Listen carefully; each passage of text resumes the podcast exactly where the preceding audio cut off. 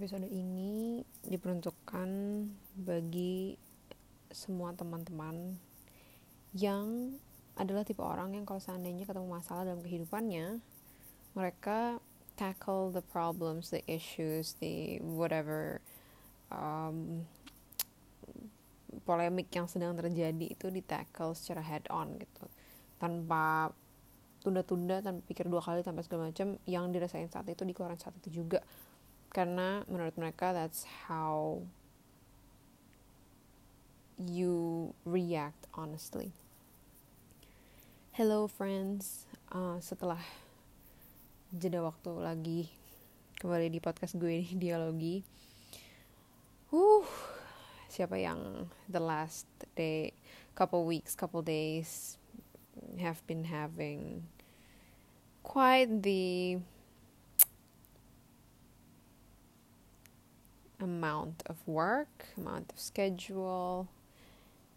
Yeah, it's fine, gak apa-apa. This too shall pass, people. So, all right. This episode is called The Pause. Dan kenapa gue membuat podcast ini karena gue pun menyadari pentingnya hal tersebut dalam menghadapi berbagai situasi gitu. Hmm, gue adalah tipe orang yang di awal podcast ini gue deskripsikan. Gue ketika gue memiliki suatu, memiliki suatu masalah dengan seseorang ketika gue menghadapi suatu masalah gue lebih mending kelarin dulu sekarang.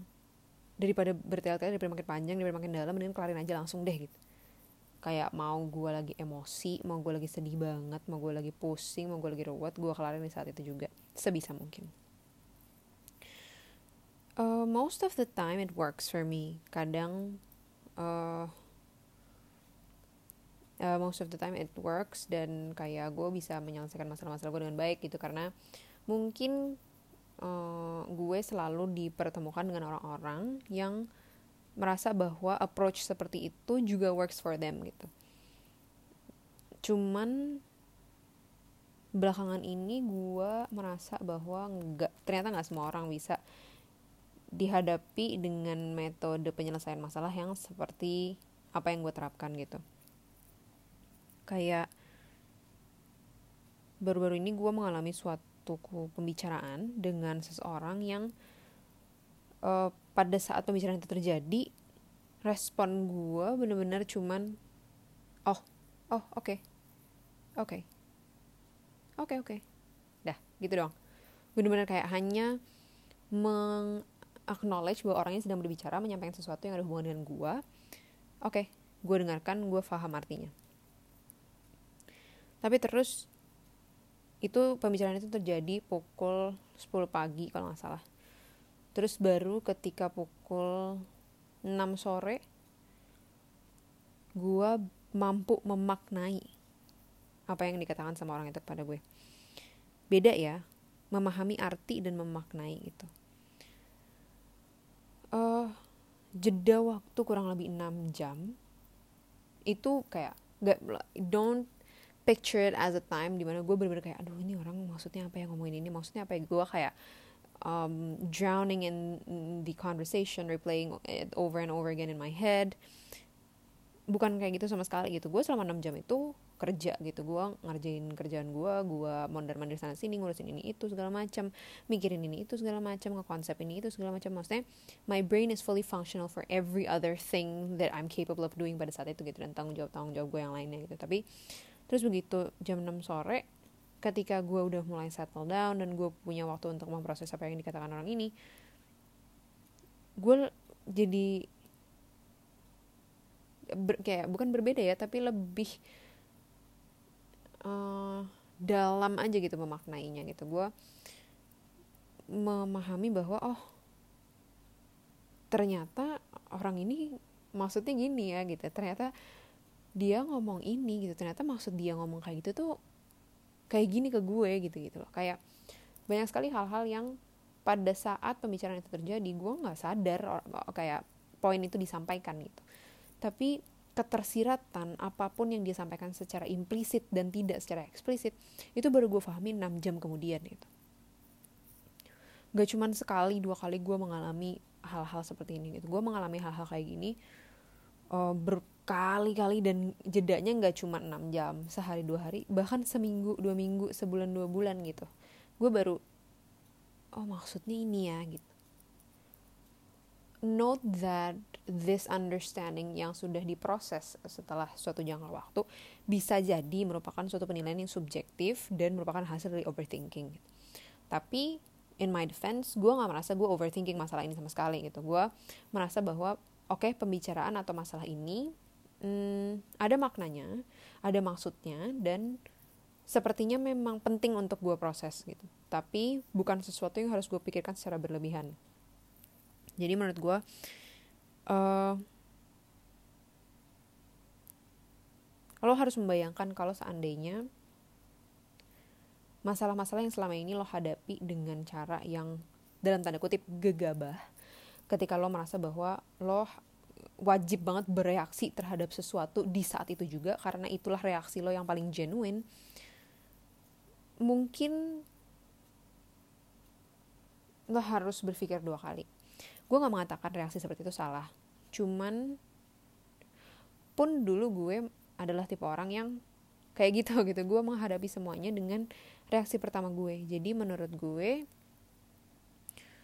sekarang gue merasakan bahwa oh ini kayaknya kayaknya ada baiknya gitu ketika lo memberikan diri lo sendiri memberikan otak lo memberikan hati lo memberikan lisan lo telinga lo semua waktu untuk kayak memproses waktu untuk duduk waktu untuk bernafas waktu untuk benar-benar memaknai sesuatu yang terjadi pada lo dari segala indera gitu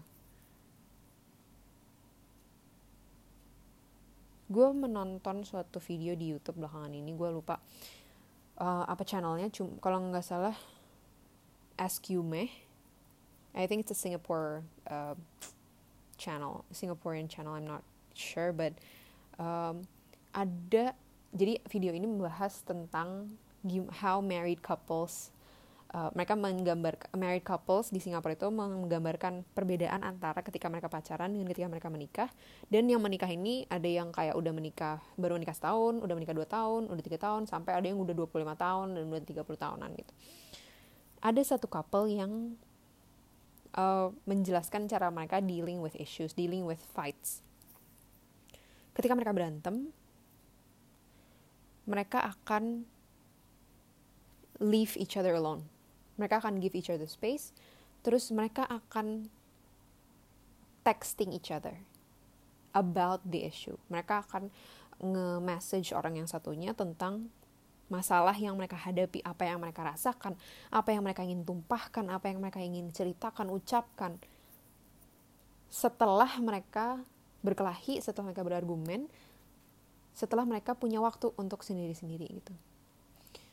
Uh, gue rasa metode ini merupakan metode yang sangat baik untuk dicoba ya gitu, apalagi bagi orang-orang yang uh, sering mempunyai isu atau perdebatan dengan orang-orang yang sering mereka ajak berinteraksi gitu. Menurut gue ini adalah salah satu cara gimana teknologi itu membantu kita di saat ini. Uh, dengan uh, apa short messaging apps kita bisa mungkin lebih memikirkan lebih mempertimbangkan apa yang kita ucapkan daripada sekedar mengucapkan gitu. Hmm, biasanya gue nggak suka dengan metode seperti ini dengan metode tunggu dulu biar gue dingin, dingin kepala dulu baru gue akan merespon. Karena menurut gue ya respon aja sekarang itu lo gak punya kapasitas untuk dealing with this bahkan dengan kepala panas dan masih membuat keputusan rasional. Gue masih merasa seperti itu dulu gitu. Tapi terus sekarang gue merasa reaksi yang rasional itu seharusnya pada saat lo marah pada saat lo biasa aja dan pada saat masalah itu sudah lama berlalu ketika reaksi itu rasional reaksi itu nggak akan berubah. Baik itu dari nada bicara lo terutama dari apa yang lo sampaikan sih. Jadi ketika lo bereaksi dengan rasional misalnya lo berdebat dengan orang terus lo marah nih. Nanti sehari kemudian atau mungkin beberapa jam kemudian lo akan bertanya-tanya gitu. Was it worth the anger yang gue ekspresikan? Was it worth all the screaming all the yelling gitu? Ketika rasional reaksi lo pada saat lo marah dan pada saat lo tidak marah itu harusnya sama gitu. Berarti pada hakikatnya itu kenapa orang-orang bilang jangan suka membuat keputusan ketika lo ada di kondisi emosional yang tidak stabil baik itu saat lo marah atau saat lo sangat sedih atau saat lo sangat senang sekalipun gitu.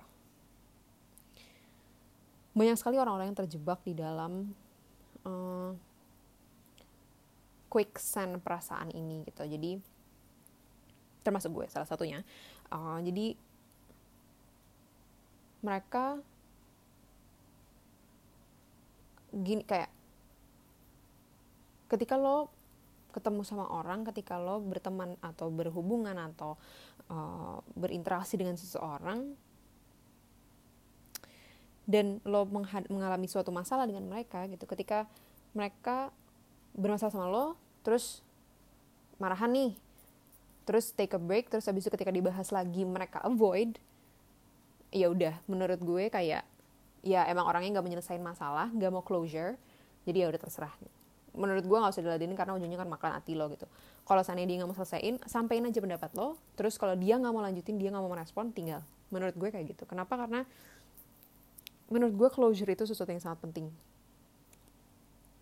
Karena closure itu adalah sesuatu yang datang setelah suatu jangka waktu pertimbangan di mana lo bisa mempertimbangkan banyak sekali hal di satu waktu di banyak waktu yang telah diberikan kepada lo dan lo bisa men menimbulkan suatu mufakat suatu keputusan suatu kesimpulan akhir yang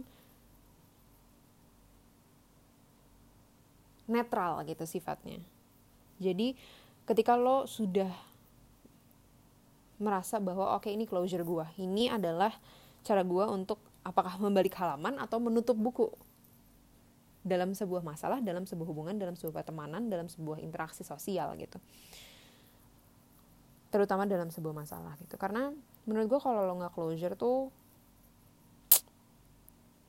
nggak enak lo nya gitu lo kayak tidak adanya closure itu memberikan ruang di dalam otak lo di dalam hati lo untuk membiarkan masalah ini terus menerus ada di situ gitu. Padahal kenapa harus ada di situ terus gitu kan? Masalahnya udah lewat gitu. Masalah itu it comes and goes. Jadi why do you have to let it stay around for a long long long long long time just because you don't want to deal with it? Take space in your head in your heart. Take space in your daily activities. Mau lo sadari atau enggak mau lo actively think about it ataupun enggak it takes space gitu. Dan menurut gua space di otak lo, space di hati lo tuh udah as limited as it is. Jadi it's a shame if you waste it for things that you were able to finish in a certain period of time, gitu loh. Lo bisa, you, you're able to finish it. You're capable of finishing all your issues, I'm sure. No question.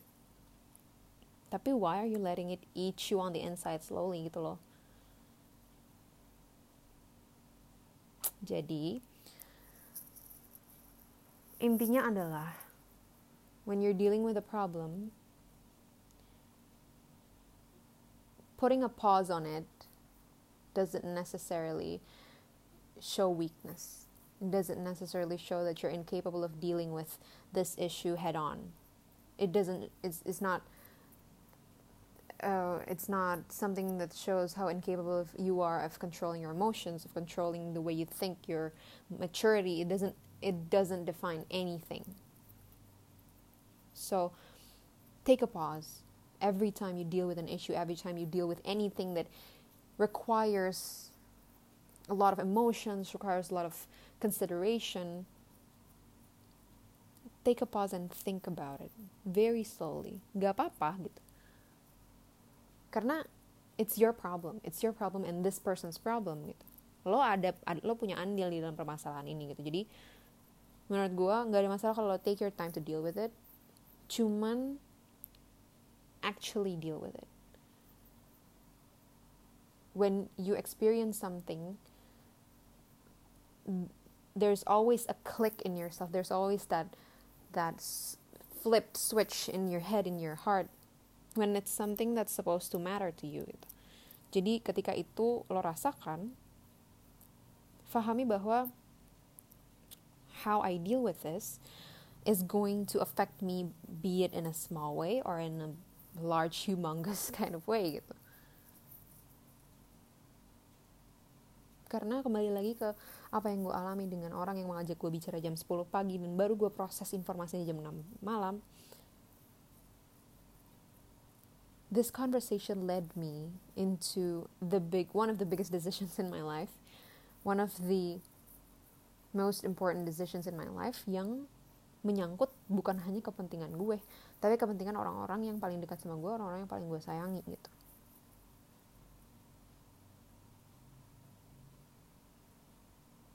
Jadi, take a pause and then deal with it.